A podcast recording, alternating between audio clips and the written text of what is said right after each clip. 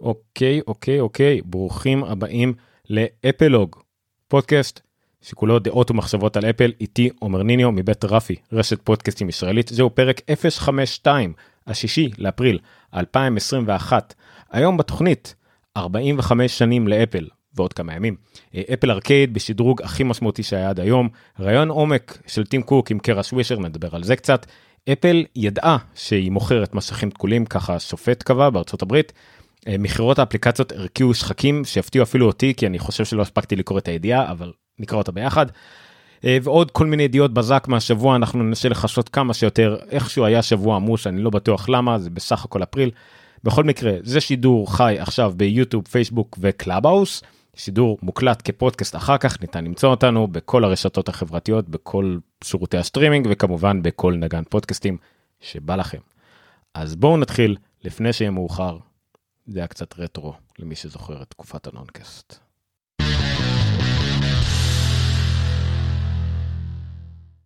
אז נתחיל משאריות. השאריות שלנו משהו שאני בדרך כלל משאיר לסוף, Ted Lasso. כן, אה, שבוע שעבר דיווחתי על זה ש Ted אה, ה cast של התוכנית, הקליט איזשהו ביט מגניב לקראת ה SAG Awards, Screen Actor, Screen Actors Guild Award, לא משנה, גילדת אה, שחקני המסך. הם עשו איזה מערכון של שתי דקות בטקס וכדומה, כאילו על כמה שלא נורא אם הם לא ינצחו וכדומה. אז Ted Lasso כסדרה, או יותר נכון כאנסמבל, לא זכתה בפרס, אבל ג'ייסון סודייקיס, השחקן הראשי, כן זכה בפרס השחקן הראשי. אז כל הכבוד לו אנחנו כולנו מכירים את Ted Lasso יודעים שזו סדרה ששווה את כל הפרסים שהיא תקבל אז הנה עוד פרס רציני לטד לסו אפל כמובן מאוד מאוד מתגאה בזה שהיא זכתה בהרבה מאוד פרסים לא יודע? הם אה, זכו סך הכל ב-345 מועמדויות לפרסים וזכו ב-91 פרסים. כמובן שזה אולי בטח גם כולל פרסי אה, לא יודע מה הצופים לגיל הרך בגילאים 7-9 בארבע מדינות בארצות הברית. אני לא יודע איך הם סופרים את זה. הרבה פרסים. anyway זה היה רק השאריות, לא נתעכב על זה יותר מדי.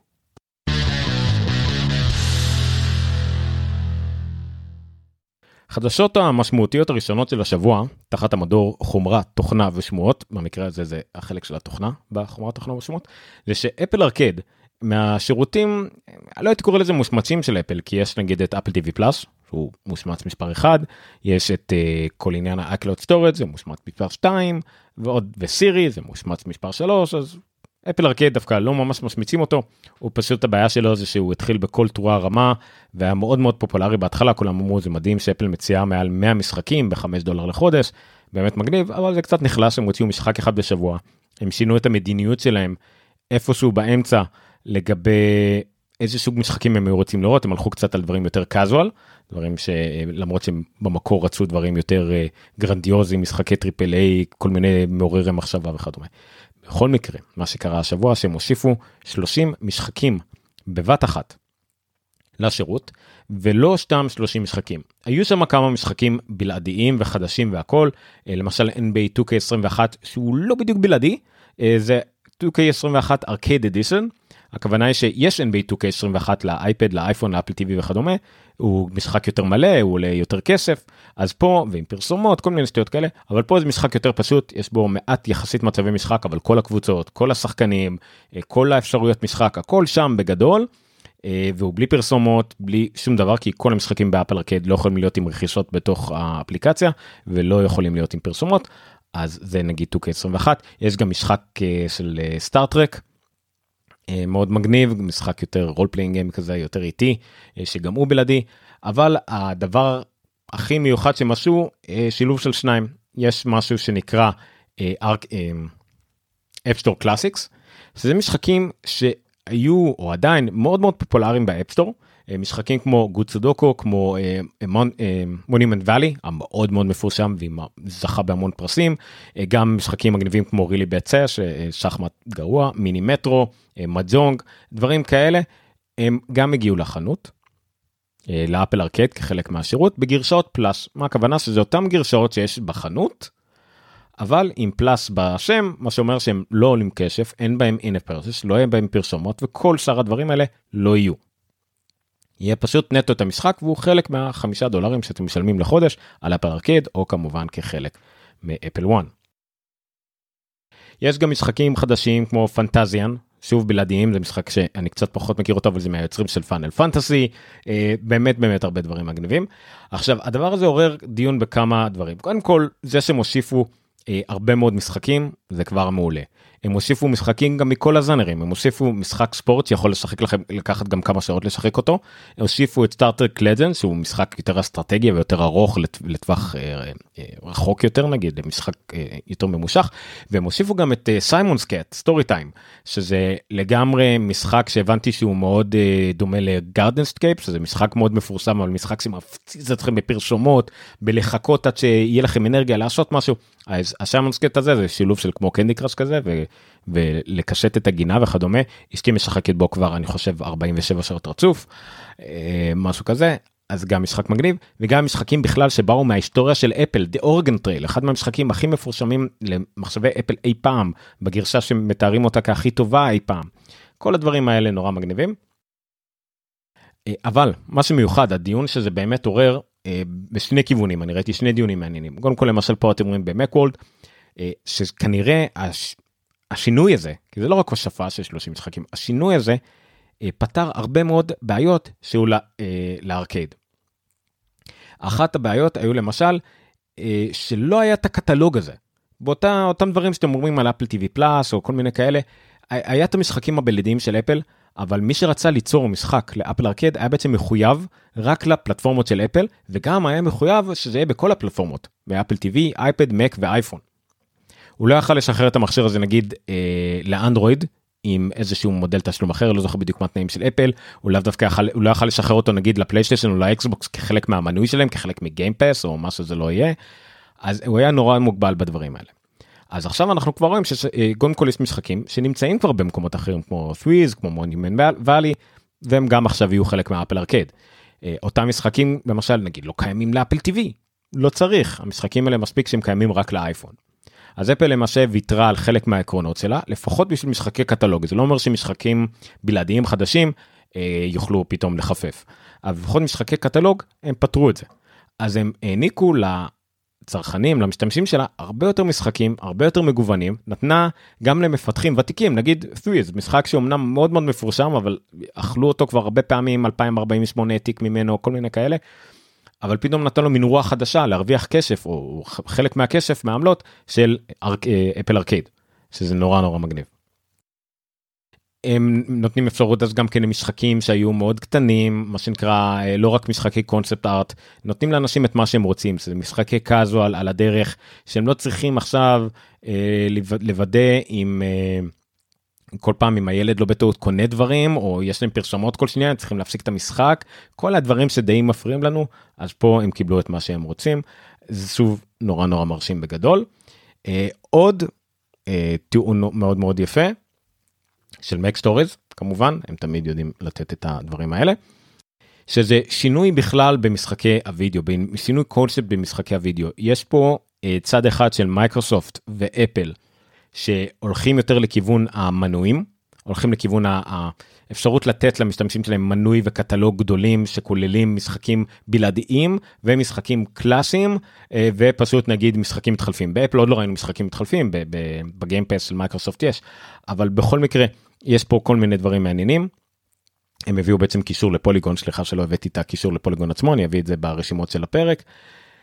זה מעניין. לעומת זאת, נינטנדו למשל אה, לא, לא מוכרים יותר אה, משחקים דיגיטליים של מריו פלייסטיישן עושים כל מיני בעיות שלא יהיו יותר בכלל תמיכה בפלייסטיישן ויטה פלייסטיישן 3 כולל המשחקים הדיגיטליים שלהם ומייקרוסופט ואפל לוקחים בכלל את הגישה של הכל דיגיטלי הכל זמין בין היתר הם הולכים גם על הקטע של כמובן מכירות חומרה או כסף מתחדש ממנויים יכול להיות שזה דברים שאפל כמו מייקרוסופט שהדברים האלה הם תוצר נלווה של שאר.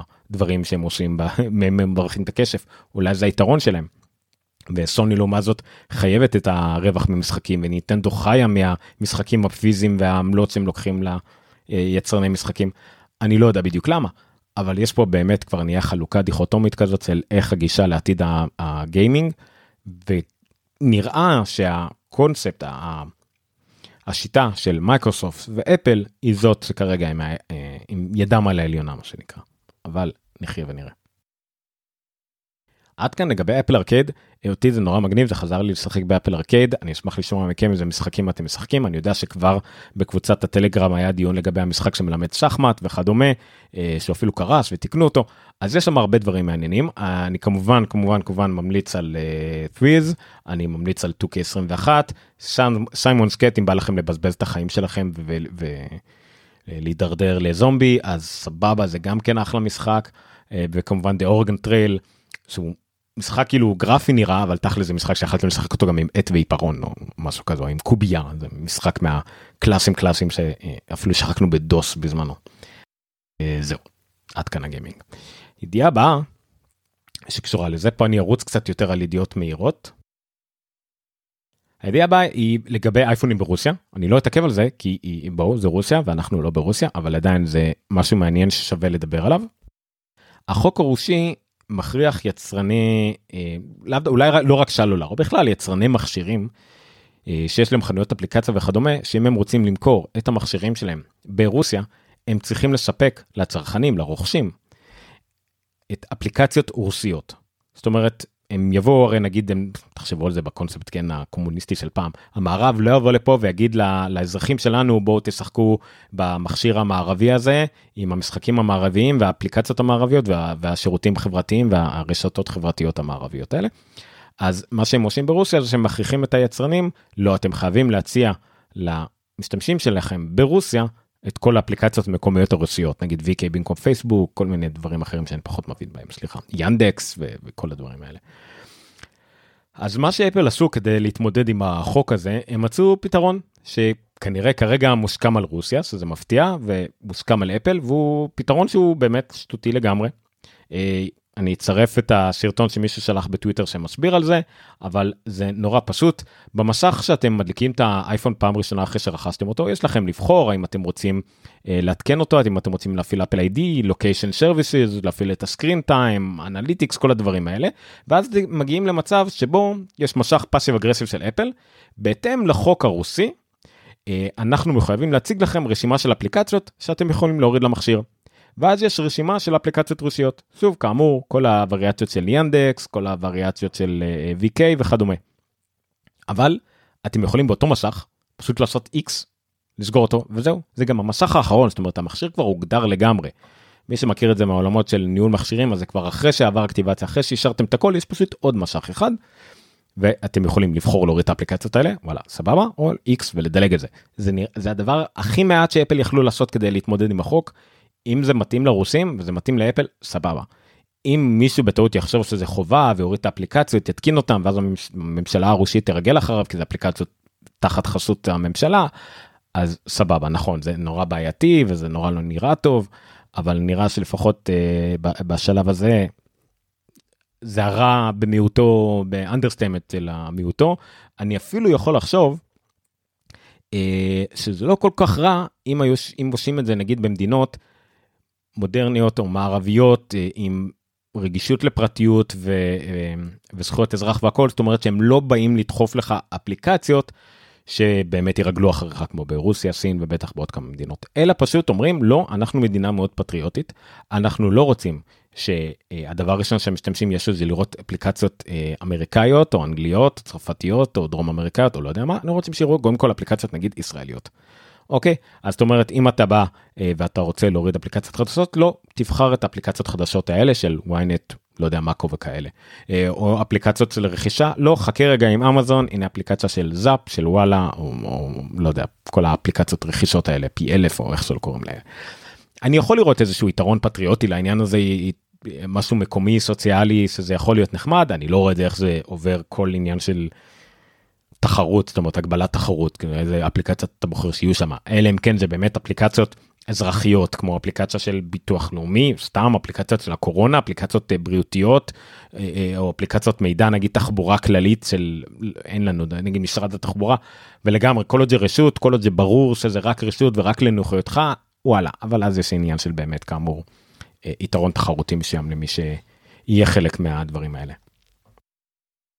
אוקיי כמה ידיעות בזק מה זה ידיעות בזק החלטתי לדחוס יותר ידיעות אם יש באותו שבוע לתוכנית שלנו שעדיין צריכה להיות בין 30 ל-40 דקות. אבל אה, אני אדבר עליהם ממש בשנייה או שתיים.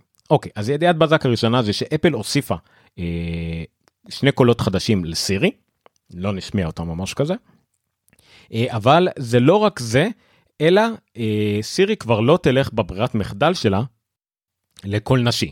אוקיי, נגיד סירי האמריקאית היא אוטומטית קול נשי, אני חושב שסירי האוסטרלית היא קול גברי, כל מדינה גם בארץ זה קול נשי, אה, לא, זה לא יהיה יותר, אה, ילך כברירת מחדל לקול נשי, וגם התיאור המילולי של, לא יודע, השם של סירי מקף female או מקף male, גם כן ייעלם, גם כן לא יהיה. זה לא אומר שזה לא יהיה קול נשי או קול גברי, זה יהיה מה שאנחנו מכירים בהגדרה שלנו כנשי או גברי. כרגע, אבל uh, התיאור המילולי הזה וההבחנה הזאת לא תהיה כרגע. יכול להיות שבעתיד, כי יש כבר דברים שעובדים על זה, uh, על קול ניטרלי. יכול להיות שבעתיד נשמע איזשהו קול ניטרלי שלא נוכל להבחין אם הוא גברי או נשי. אה, וזה יכול להיות שזה העתיד של הקולות משהו שוב כדי להיות gender neutral וכל הדברים הפרוגרסיביים במובן הטוב של המילה שקיימים היום. אוקיי אז זה סירי. ידיעה הבאה. אה, מדליף Love to Dream אמר שהוא בטוח שהמחשבי מסכי iMac הבאים יהיו גדולים יותר. יהיו במקום 21 אינץ נגיד יהיה 24 במקום 27 יהיה 30 הוא לא ציין אה, גדלים מדויקים אז אני לא באמת מתייחס יותר מדי לשמועה הזאת אבל וואלה הגיוני אה, גם מר גורמן אמר בזמנו שזה יהיה דברים שיראו כמו פרו XDR היה גם את השמועות על הצבעים בלה בלה בלה בלה בלה כן זה די הגיוני שהם משכים גדולים אנחנו כנראה יורידו את כל המסגרות ואת הסנטר ואת הכל וימתחו את המסך במקום המסגרת זה כנראה גדול יותר כי תמיד אנחנו רוצים גדול יותר. אבל בסדר. ועוד ידיעה אחרונה בכל התחום הזה של אה, חומרת תוכנה שמועות. שמועה קצת יותר לגיטימי קצת יותר מגובה בעובדות על האפל TV אה, מצאו בקוד של 14.5 הבית האחרונה אה, איזושהי הגדרה שקשורה ל-120 הרץ. 120 הרץ זה הרפרש רייט כמה מה הקצב רענון של התמונה.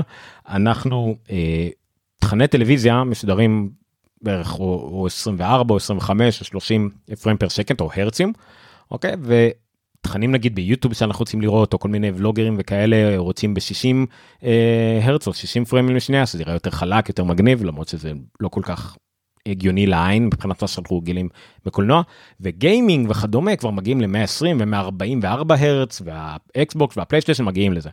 אז מצאו את הקוד הזה באפל TV שהוא יש הגדרה שאפשר לבחור 120 הרץ אבל אפל TV מן הסתם לא תומכת ב-120 הרץ אני חושב שאפילו הפרוטוקול HDMI שלה לא תומך ב-4K 120 צריך uh, HDMI 2.1 או 2.2 לא זוכר uh, אז אז זה אפילו לא תומך אז כן אז זה אומר שהתוכנה אולי מרמזת על החומרה הבאה. שוב, זה הרבה יותר הגיוני, אבל זה גם יכול להיות סתם בדיקות על מכשירים שלא יצאו אף פעם.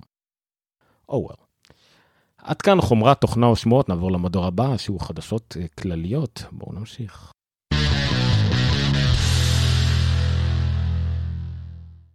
בחדשות הכלליות, החדשות המרגשות של השבוע, האמת, אפל בראשון לאפריל חגגה 45 שנים. אני לא כל כך סגור על מה קרה בדיוק לפני 45 שנים, אני יודע ש... סטיב ווזניאק, אה, סטיב ג'ובס והבחור השלישי שאף אחד לא זוכר. אה, יצרו את החברה הזאת. אני לא אני יודע שזה לא הזמן שבו הגישו את המסמכים פורמלית והם היו אינקופרטד כי זה היה אה, כמה חודשים אחר כך או מה שזה לא יהיה אבל התאריך לידה של אפל שכולם מתייחסים אליו כתאריך לידה זה הראשון לאפריל כן זה לא בדיחה הראשון לאפריל. אז מזל טוב לאפל אנחנו חוגגים 45 שנים האדם השלישי דרך אגב היה אה, רונלד ויין מה שמפורסם בו שהוא ויתר על כל האחוזים שהיו יכולים להיות לו באפל והוא ויתר על האפשרות להיות היו יכולים להיות לו עשרות מיליארדים אה, של דולרים אז לא לא היה לו.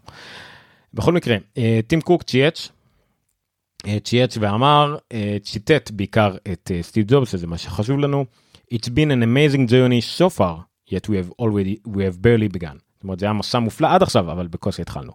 זה מונח שאני לא יודע בדיוק מתי סטיב ג'ובס אמר את זה אבל אה, 45 שנים לתוך החברה הזאת המשפט הזה עדיין לגיטימי ורלוונטי מבחינת טים קוק וכל הצוות אז זה עדיין חברה צעירה תינוקת למרות שמוזר לחשוב על זה על החברה שהיא כל כך חדשנית מהפכנית מגניבה כל הנוער אוהב אותה והיא אחת החברות הכי ותיקות שקיימות היום בשיליקון וואלי. למעשה חוץ מחברות החומרה כמו אינטל שאולי גם האמת כמה אחר כך עכשיו שאני חושב על זה אולי חוץ מ-IBM HP למרות ש-HP כ-HP כבר כמעט לא קיימת כל הדברים האלה אפל היא הכי ותיקה. אפילו יותר ממייקרוסופט יותר מכמעט כל דבר אחר אז מגניב לחשוב על זה. Night of Mac uh, הביאו כמה רגעים נבחרים מתוך ה-45 שנות אפל האלה. אני אעבור עליהם ממש בנגיעה קטנה על דברים שמעניינים אותי פחות או יותר. ב-2006 לדוגמה החנות הראשונה של אפל. ה Apple Store זה מבחינתנו עד היום מין דוגמה ומופת לחנות כמו שצריכה להיות. עד היום החנויות הכי רווחיות למטר ריבוע בעולם. לפעמים Tiffany עוברת אותם אבל אני חושב שכבר שנים זה לא קרה. Apple Store זה החנויות הכי רווחיות בעולם. אז ב2006 במאי 2006 החנות ב Fifth Avenue נפתחה. חנות שמאז שופצה במשך איזה שנה ומשהו לקח לשפץ אותה. אז זה היה ב Fifth Avenue ב2006 ב2007 גם אירוע מגניב סטיב ג'ובס וביל גייטס התראיינו לקרה סווישר ווולט מוסברג ריאיון מאוד מגניב של שניהם היריבים המושבעים ב2007 החליפו כל מיני בדיחות והכל ריאיון מאוד משעשע אם לא ראיתם אותו אני מאוד ממליץ ב2008 ה App Store שינה את עולם ה marketing הדיגיטלי של תוכנות ו- ו- וכאלה למרות שזה היה קיים קודם רכישת תוכנות בצורה דיגיטלית אז ה App Store די uh, הפך פה את העניינים פה.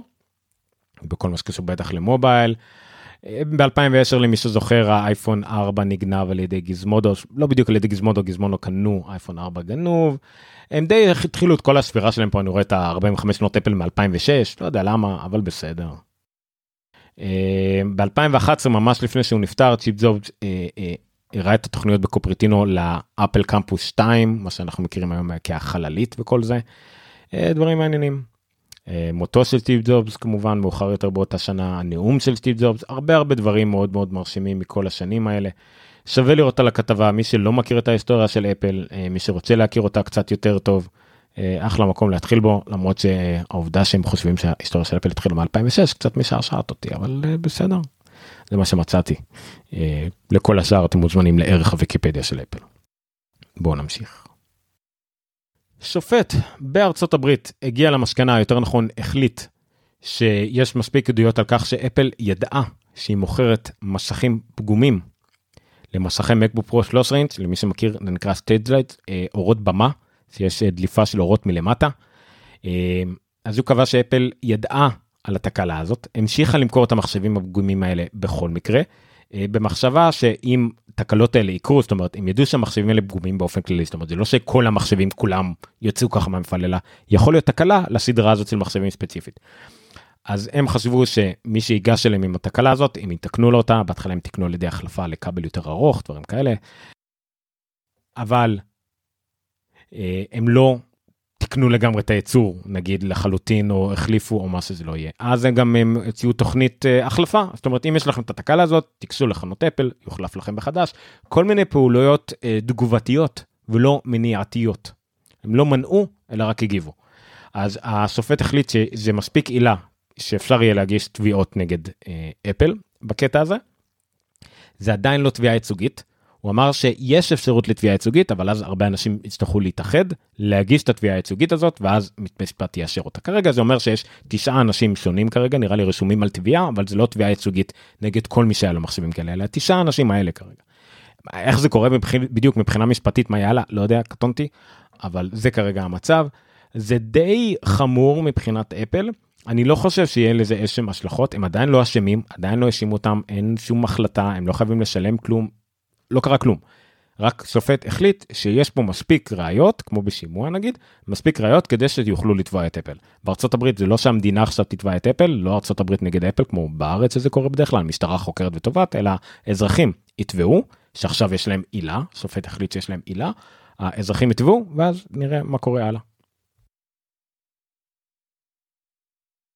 דעה נוספת היא מתוך ראיון שטים קוק ערך עם קרה סווישר לפודקאסט שלה Sway פודקאסט מתוך ניו יורק טיימס קרה סווישר למי שלא מכיר היא אדם מאוד uh, מיוחד ומפורסם בקהילת העיתונות הטכנולוגיה היא. היא לא כתבת בטיימס סליחה אני, ברח לי בראש בדיוק כתבת היא הייתה כתבת היה לה, היא הייתה כתבת של עיתון גדול היא הקימה אתר משלה All Things Digital. Uh, ווקס קנו אותם היה לה גם. מה שראיתם מקודם וול בסברג היה להם די קונפרנס ממש קונפרנס גדול שהם ראיינו את כל הגדולים היא כזאת שיכולה ללכת לדבר בעיניים עם טים קוק עם, עם, עם בזוס בגובה העיניים בלי פחד בלי מורא הכל בפנים היא גם שוב הכל קשור אני לא מתיימר להגיד שלא דברים היא גם לסבית מוצהרת ומאוד פעילה בתחום הזה וכוח נשי והכל. היא אדם מדהים ומראיינת מדהימה הריאיון הזה לטעמי היה ערוך מדי אני הקשבתי לכולו קצת ערוך אבל אין מה לעשות אתה מראיין את טים קוק ואתה צריך להיזהר על הכל. הזכירו לי פה נכון היא מוול סטריט ג'ורנל ו Recode תודה שחר תותח. מוול סטריט ג'ורנל ו Recode Recode כן Recode אבל זה הפך להיות משהו אחר השם הזה All Things D ואז Recode. אז זה רעיון עדיין מרשים היא עדיין ניסתה לצלוב אותו טים קוק הוא מרואיין טוב לפחות כמו שקרה שוויצר מראיינת טובה אז הוא ידע בדיוק מה להגיד ובדיוק איך להתחמק ממוקשים אבל עדיין הוא אמר כמה דברים מעניינים שאני אחזור עליהם אה, ממש מעט כרגע. אה, על AR היא שאלה אותו על AR נראה זה לא סוד אפל נורא אה, מתעניינת בנושא קונה המון חברות AR ניסתה גם לדבר איתו על החברות שהוא קנה שאפל קנתה אה, אז כן הוא אמר ש-AR זה תחום מאוד מאוד מעניין לאפל. הרבה גם כיסרו את זה שזה בדיוק אותו מינוחים שהשתמש כשהוא אמר שהיד במובן של שעון תחום שמאוד מעניין את אפל ואז שנה שנתיים אחר כך הם הוציאו את האפל וואט. אז גם עכשיו הוא אומר ש-AR תחום מאוד מעניין לאפל הוא מדמיין כל מיני אה, לשלב אוגמנטד ריאליטי באינטראקציה בין אנשים כשאתה מדבר עם מישהו או בצ'אט או בווידאו או בטלפון אתה גם רוצה מיד להציג לו בעולם האמיתי את מה שאתה מדבר עליו כל מיני קצת מחשבות שלי קשה לי לתפוס את זה כרגע. אה, לגבי Apple TV Plus הוא אמר אה, בערך באותם מונחים זאת אומרת אם מציאות רבודה חשובה לעתיד של אפל Apple TV Plus ו content בכלל מאוד חשובים לאפל אפל הולכים על איכות הוא לא מאמין שהם צריכים להתחרות בנטפליקס מבחינתו זה גם וגם. מה שאומר לי שהם יותר פונים נגיד על בונים שוב על אפל 1 לאו דווקא שאנשים יירשמו במיוחד הוא לא תמים מספיק כדי לדעת שאנשים בכיף ישלמו לאפל בנוסף לנטפליקס דיסני וכל אלה אבל עדיין הם מאוד מאמינים בתוכן הם מאוד מאמינים ב... לרכוש תוכן ולהפיק תוכן משלהם ואיכותי רק איכות ולא כמות והוא המשיך להגיד את זה והוא לא לא נראה שהם רוצים לקנות אה, תוכן אחר. לגבי המכונית הוא נשמע פחות בטוח. לגבי המכונית הוא אמר שכן זה כאילו אין ספק שהתחום הזה מעניין הוא לא דיבר על יותר מדי על מכוניות אבל הוא דיבר נגיד על אוטונומיה. הוא אמר שמעו מכוניות אוטונומיות או כשמדברים על אוטונומיה מדברים על רובוטים וזה תחום מאוד מעניין ואפל מאוד מאוד משקיעה בלימוד אה, של פעולות אוטונומיות. אז כן זה קצת יותר מעורפל מכל השאר אבל בסדר. אפל כמובן מבחינתו מחויבת לפרטיות הוא חזר על זה עוד פעם ועוד פעם גם בהקשר של רשתות חברתיות אבל בואו לא נדבר רק על uh, פייסבוק uh, ועל כמה הן עושות רע וכל חברה שמשתמשת בנתונים האישיים שלנו בשביל הרווח יש ישירות קשר בין מידע אישי לרווח מבחינתו זה בעייתי שוב שווה להקשיב או לקרוא אה, תמלול של הרעיון הזה. אני אחטא אם אני אנסה לת, לתאר במילים לתמצת את מה שהוא אמר אבל הוא מאוד מאוד עיקש על זה. הוא מאוד עיקש על מה שאפל אה, עושה. כמובן אפל לא תמימה. אפל אה, גם דוחפת לנו פרסומות אבל היא לא מרוויחה מזה כסף או משתמשת במידע האישי שלנו. אבל בסדר. בביקורת אחת למשל אמרו ביקורת נגדית על זה אמרו שהם לא מתביישים בפרטיות והם מקדמים את העניין של פרטיות ואנשים לפעמים אומרים כן אבל פרטיות זה נהיה כמו marketing זה סתם איזה מילת marketing שאפל משתמש בה נכון אבל זה גם המוצר שהם מנסים למכור אז אתם מאשימים אותם על זה שהם מנסים לשווק את מה שהם מוכרים. אז מה הלאה אתם תאשימו את uh, uh, שטראוס שהם מנסים לעשות marketing לגבינות זה מה שהם מנסים למכור מבחינתם זה עוד מוצר שמוכרים privacy זה חלק מה, מהעניין לא משנה.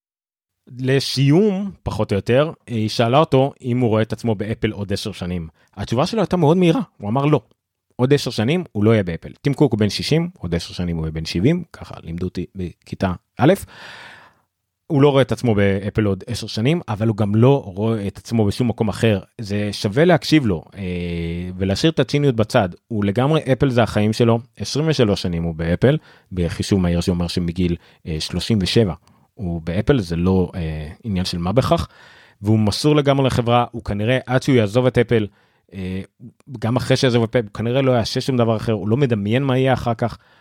שוב נורא מעניין לשמוע את התשובה שלו מאוד קר מאוד קורקטי אבל גם מאוד נרגש בעניין הזה אז כן עוד 10 שנים זה הכותרות אומרות טים קוק לא יהיה באפל כן אבל הוא לא בונה על שום דבר אחר זה נורא יפה הקשר של האנשים לחברה. Uh, עד כאן כמה ידיעות בזק לפני שנעבור למדור הבא.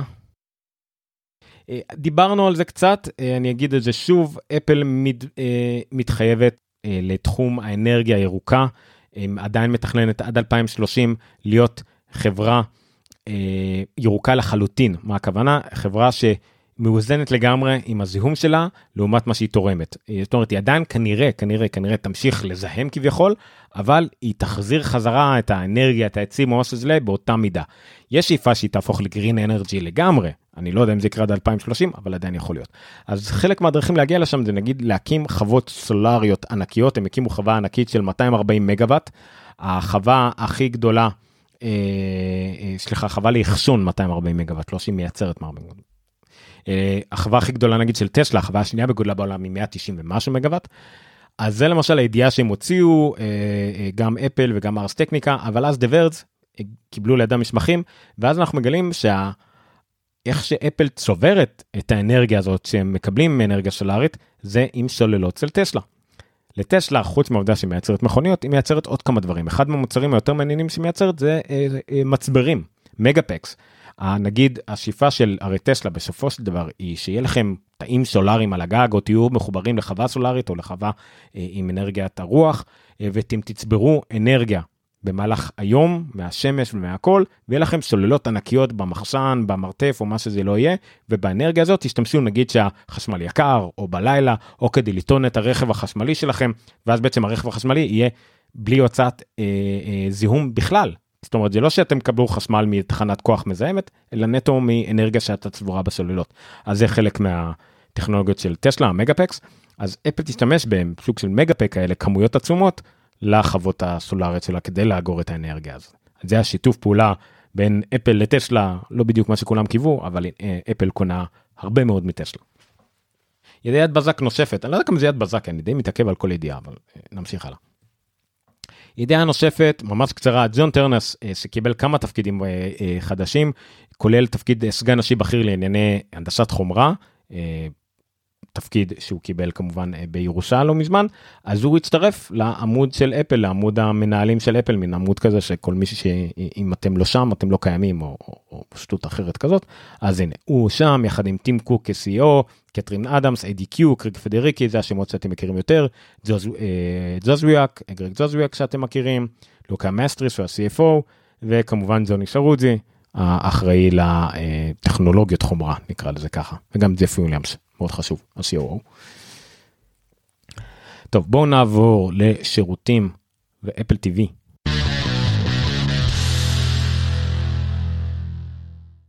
אוקיי, ידיעה בהפתעה, מה זה אומר? זה אומר ש... אני לא קראתי את הידיעה הזאת, אני מתנצל. הבאתי ידיעה בגלל הכותרת שלה ולא קראתי אותה, סורי. אז, אפ אה, אני, חברה ש...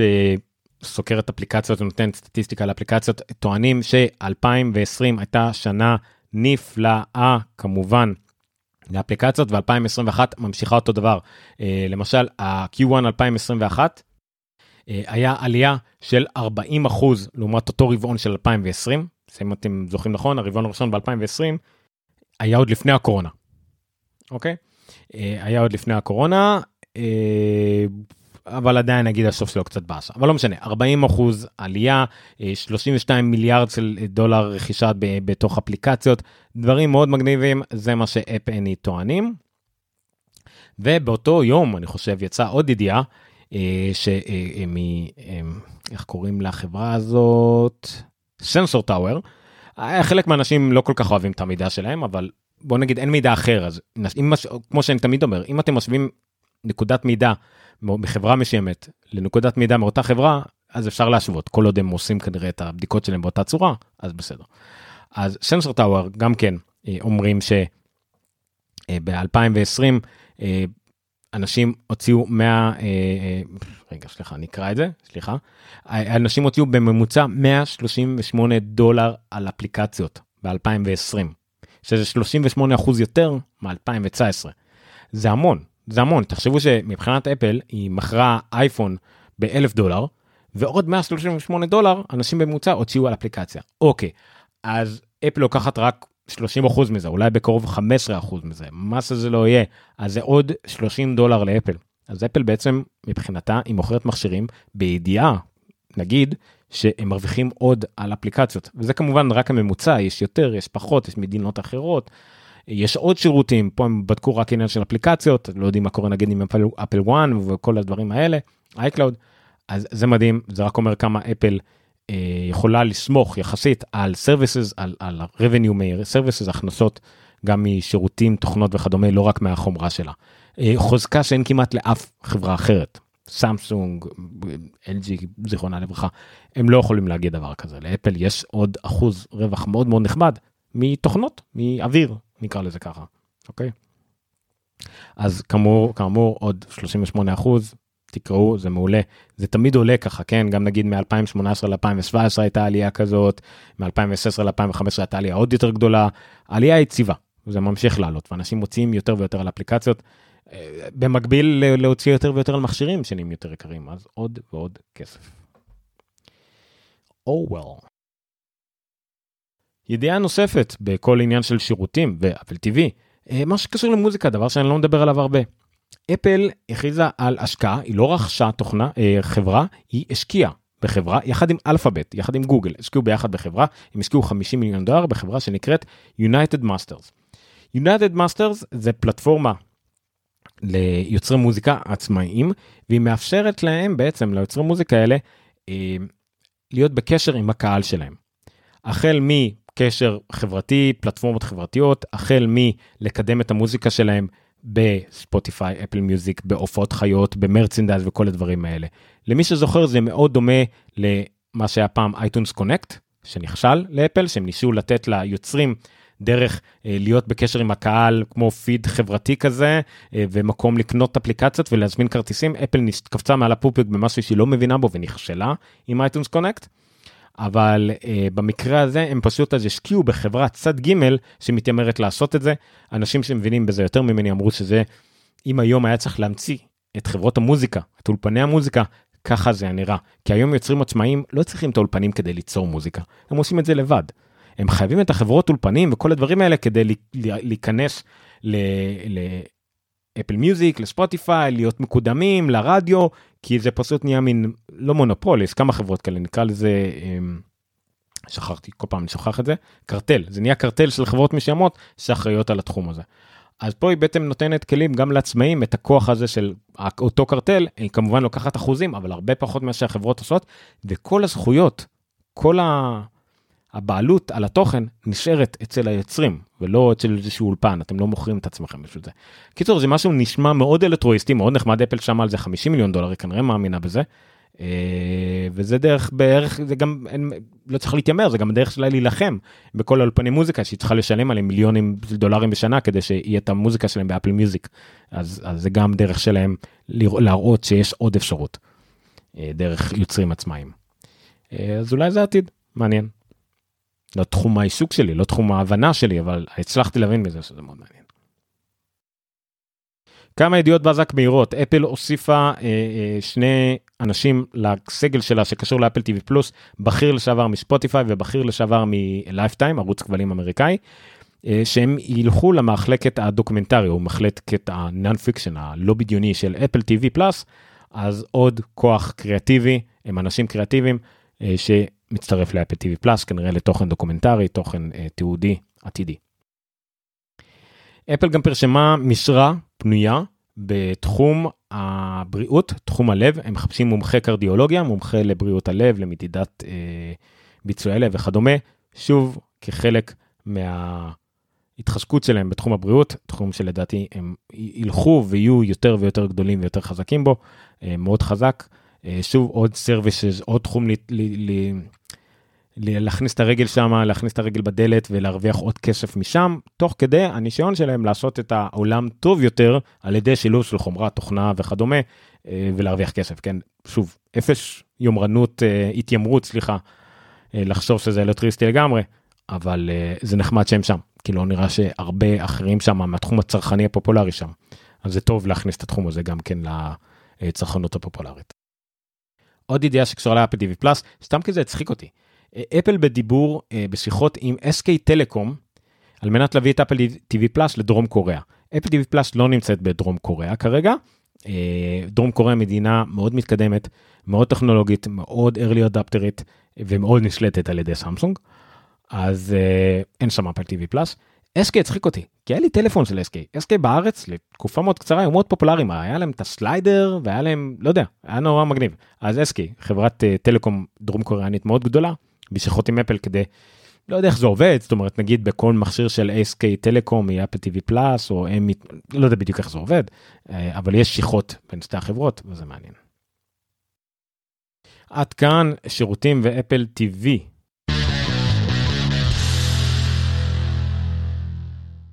הבונוס שלי היום הוא קצת ויזואלי אז אם אתם מקשיבים לנו לפודקאסט אז אני ממליץ לכם ללכת ללינק ששמתי פה ל-9 to 5 Mac. אם אתם צופים בנו בפייסבוק או יוטיוב אז הרווחתם נגיד כי אתם גם צריכים להסתכל עליי אז לא יודע כמה רווח יש מזה אבל בסדר. מה שאני רוצה להראות לכם זה סתם 9 to 5 Mac עשו, עשו לנו טובה וריכזו ביחד אה, כל מיני מתיחות 1 באפריל מגניבות שקשורות לאפל אה, ואנחנו יכולים להסתכל עליהן במורכז מאשר לא יודע שיעבדו עלינו בנפרד כנראה. אה, אז קודם כל סטצי הוציאו, הוציאו פרסומת כביכול לעכבר,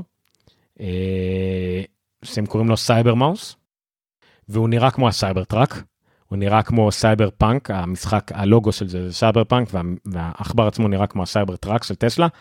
עכבר מאוד מגניב, כנראה לא נוח להחזיק אותו, כי הוא מלא בזוויות, והגלגל שלו נראה כמו צמיג, אבל תכלס הם השקיעו המון בסרטון ברינדור תלת ממדי.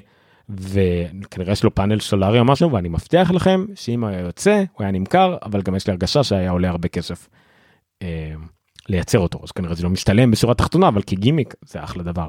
זה בטח הם היו מוצאים אחד כזה מוכרים אותו ב-500 דולר הם היו מוכרים. לא בדיוק אחד באפריל אבל עדיין לא ידעתי שיש את זה יש אפליקציה שנקראת Fan, Fan למקים אה, זה אם אתם מתגעגעים לרעש של המאוורר במחשב M1 שלכם אתם יכולים להוריד את האפליקציה הזאת ויהיה לכם רעש של מאווררים של אפל.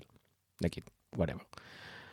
AirBuddy זה סתם אפליקציה קטנה של אה, אה, לא סתם חס וחלילה כן של אה, אה, גי רמבו אחד מהאנשים שנתנו לנו מידע על WWDC וכל מיני כאלה הם יודעים לקרוא בקוד וכדומה אז יש לו אפליקציה נקראת AirBuddy שמאפשרת לנו אה, לשלוט על ה AirPod שלנו כמו באייפון ובאייפד אבל מהמק יש את האייקון הזה שקופץ אנימציות מגניבות והכל אה, אז הוא אה, כאילו עשה שעכשיו הוא הכניס גם לתוכנה שלו יש סטוריז. אה, כי לכולם יש סטוריז בימינו.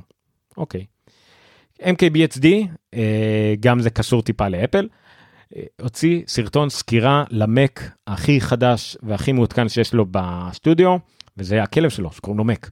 אז גם כן מקסים, משעשע, הוא לקח את זה כאילו ברצינות. אה, יש שם סקירה על, על השוללה שלו, על איך הוא נטען, חיסכון באנרגיה, מגניב לגמרי, אני אוהב שעושים דברים כאלה, מאוד מאוד מגניב. אחלה כלב. 12 South הוציאו אה, עמדת טעינה שנקראת נראית כמו אבן. שוב לא מן הנמנע שהם פשוט יוציאו את זה למה לא. אה, חברת MotionVFX עושה אפקטים ל Final Cut אה, הוציאו פרסומת מזויפת על אה, Final Cut ל Apple Watch יצאה גרסה של Final Cut ל Apple Watch. אה, אולי חוץ בניגוד לכל שאר הדברים פה לא נראה לי שאני הייתי רוצה דבר כזה אבל אה, לא יודע הייתי שמח לקבל התראות לשעון כשהרינדור שלי ב Final Cut נגמר זה יכול להיות אולי איזה סוג של שילוב אבל בסדר. Uh, IGN הוציאו uh, שיש כאילו משחק שנקרא זום רויאל לא התעניינתי בזה לא כל כך מעניין אותי ודואלינגו הוציאו נייר טואלט. למה? לא יודע. אבל בסדר. anyway זה מה שהיה לי לגבי 1 באפריל לגבי ידיעה נוספת, אה, זה לא בונוס, אני לא אביא עוד ידיעות, נגמר לנו הזמן. אני כן אביא ידיעה שהיא אזהרה. אני בטוח שזה יעלה בפורומים, יעלה בקבוצות ויעלה באתרים ישראלים, אבל רק אני מזהיר אתכם מראש. סינים כלשהם העלו סרטונים והעלו הוכחות שהם הצליחו לשדרג מחשב M1, לשדרג לו את הזיכרון ואת ה-hard disk, את ה-SSD, ל-16 ג'יגה, לחצי טרה, whatever, על ידי טיפול בהלחמות העדינות, הלחמה מחדש, אה, משהו מאוד עדין, מאוד מקצועי, שבטח נדפק בשמונה מתוך עשר מקרים, אני לא יודע. אז יש את הידיעה הזאת, יש את התמונות האלה, זה כנראה אפשרי תיאורטית, כי בכל זאת מישהו בנה את זה, אני משער שמישהו גם יכול לפרק את זה ולבנות מחדש, אבל קחו את זה כאזהרה, אל תנסו את זה בבית, בחייאת, זה מגניב, אבל אל, אל, אל תנסו את זה בבית גם במובן של אל תתחילו לעלות הודעות עכשיו בקבוצות, אה, מישהו מכיר מישהו שיכול לשדרג את זה, אני מוכן לשלם, עזבו, תמכרו, תקנו חדש. זה יותר ישתלם לכם. תמכרו אם קניתם בטעות 8 ג'יגה, תמכרו, תוסיפו 1,000 שקל, קנו 16 או whatever, כנראה לא תפסידו הרבה. זה הטיפ שלי היום. אה, אתם רואים גם בונוס גם טיפ. אה, whatever. אוקיי, מעברון ונשאם.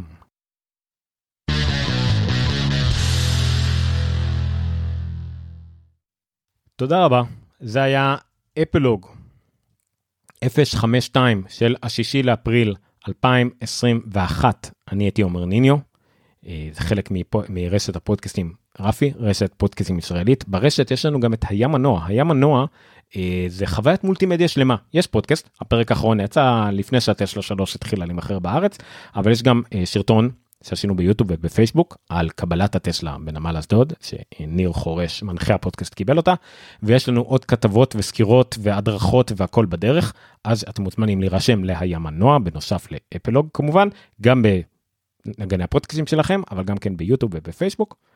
אתם יכולים גם אה, לתרום לנו, לעזור לנו בפטריון בשני דולרים לחודש לאפלוג או לים מנוע, או שלושה דולרים לכל הרשת. יש גם טיר יותר גבוה של, אה, של חמש, חמישה דולרים לים מנוע אפלוג ותשעה דולרים לכל הרשת.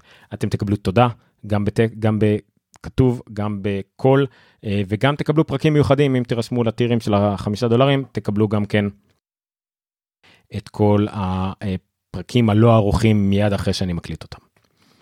זהו, זה לגבי כל הקידום עצמי, מה שנקרא. ולפרדה קצת יותר אישית, שוב, אני יותר מניניו, תעקבו אחרינו ביוטיוב, אפלוג, בפייסבוק, אפלוג, פודקאסט ומחשבות על אפל, בטלגרם, אחלה קבוצה, יש פה דיונים, גם הפרק הזה עולה בשידור ישיר גם אה, בטלגרם, כמובן בטוויטר, גם בטוויטר של אפלוג וגם בטוויטר האישי שלי, שטרודל עומר ניניו, אני מעלה את כל הידיעות שאני מעלה במהלך השבוע שאחרי זה מגיעות לתוכנית, אני מעלה שם, בקבוצת הפייסבוק, אני בכל מקום. לאו דווקא במובן הטוב של המילה, אבל אני, אני ברוב המקומות. אז אני אשמח אם תצטרפו אליי. עד כאן הפודקאסט. הפודקאסט הזה כאמור מועבר גם ב Clubhouse, שם השידור ממשיך, שם אנחנו נמשיך לדבר אם אתם רוצים, או בטלגרם, סליחה, גם שם וגם שם אתם יכולים לדבר איתי. אה, ואם אתם רק מאזינים לפודקאסט הזה בזמן מאוחר יותר, מעולה, תירשמו, שפרו לחברים, אה, תורידו כל שבוע, ושפרו לחברים כבר אמרתי, כי רק ככה אנחנו מצליחים להשיג עוד מאזינים פה לאוזן. תודה רבה, אני עומר ניניו. לילה טוב.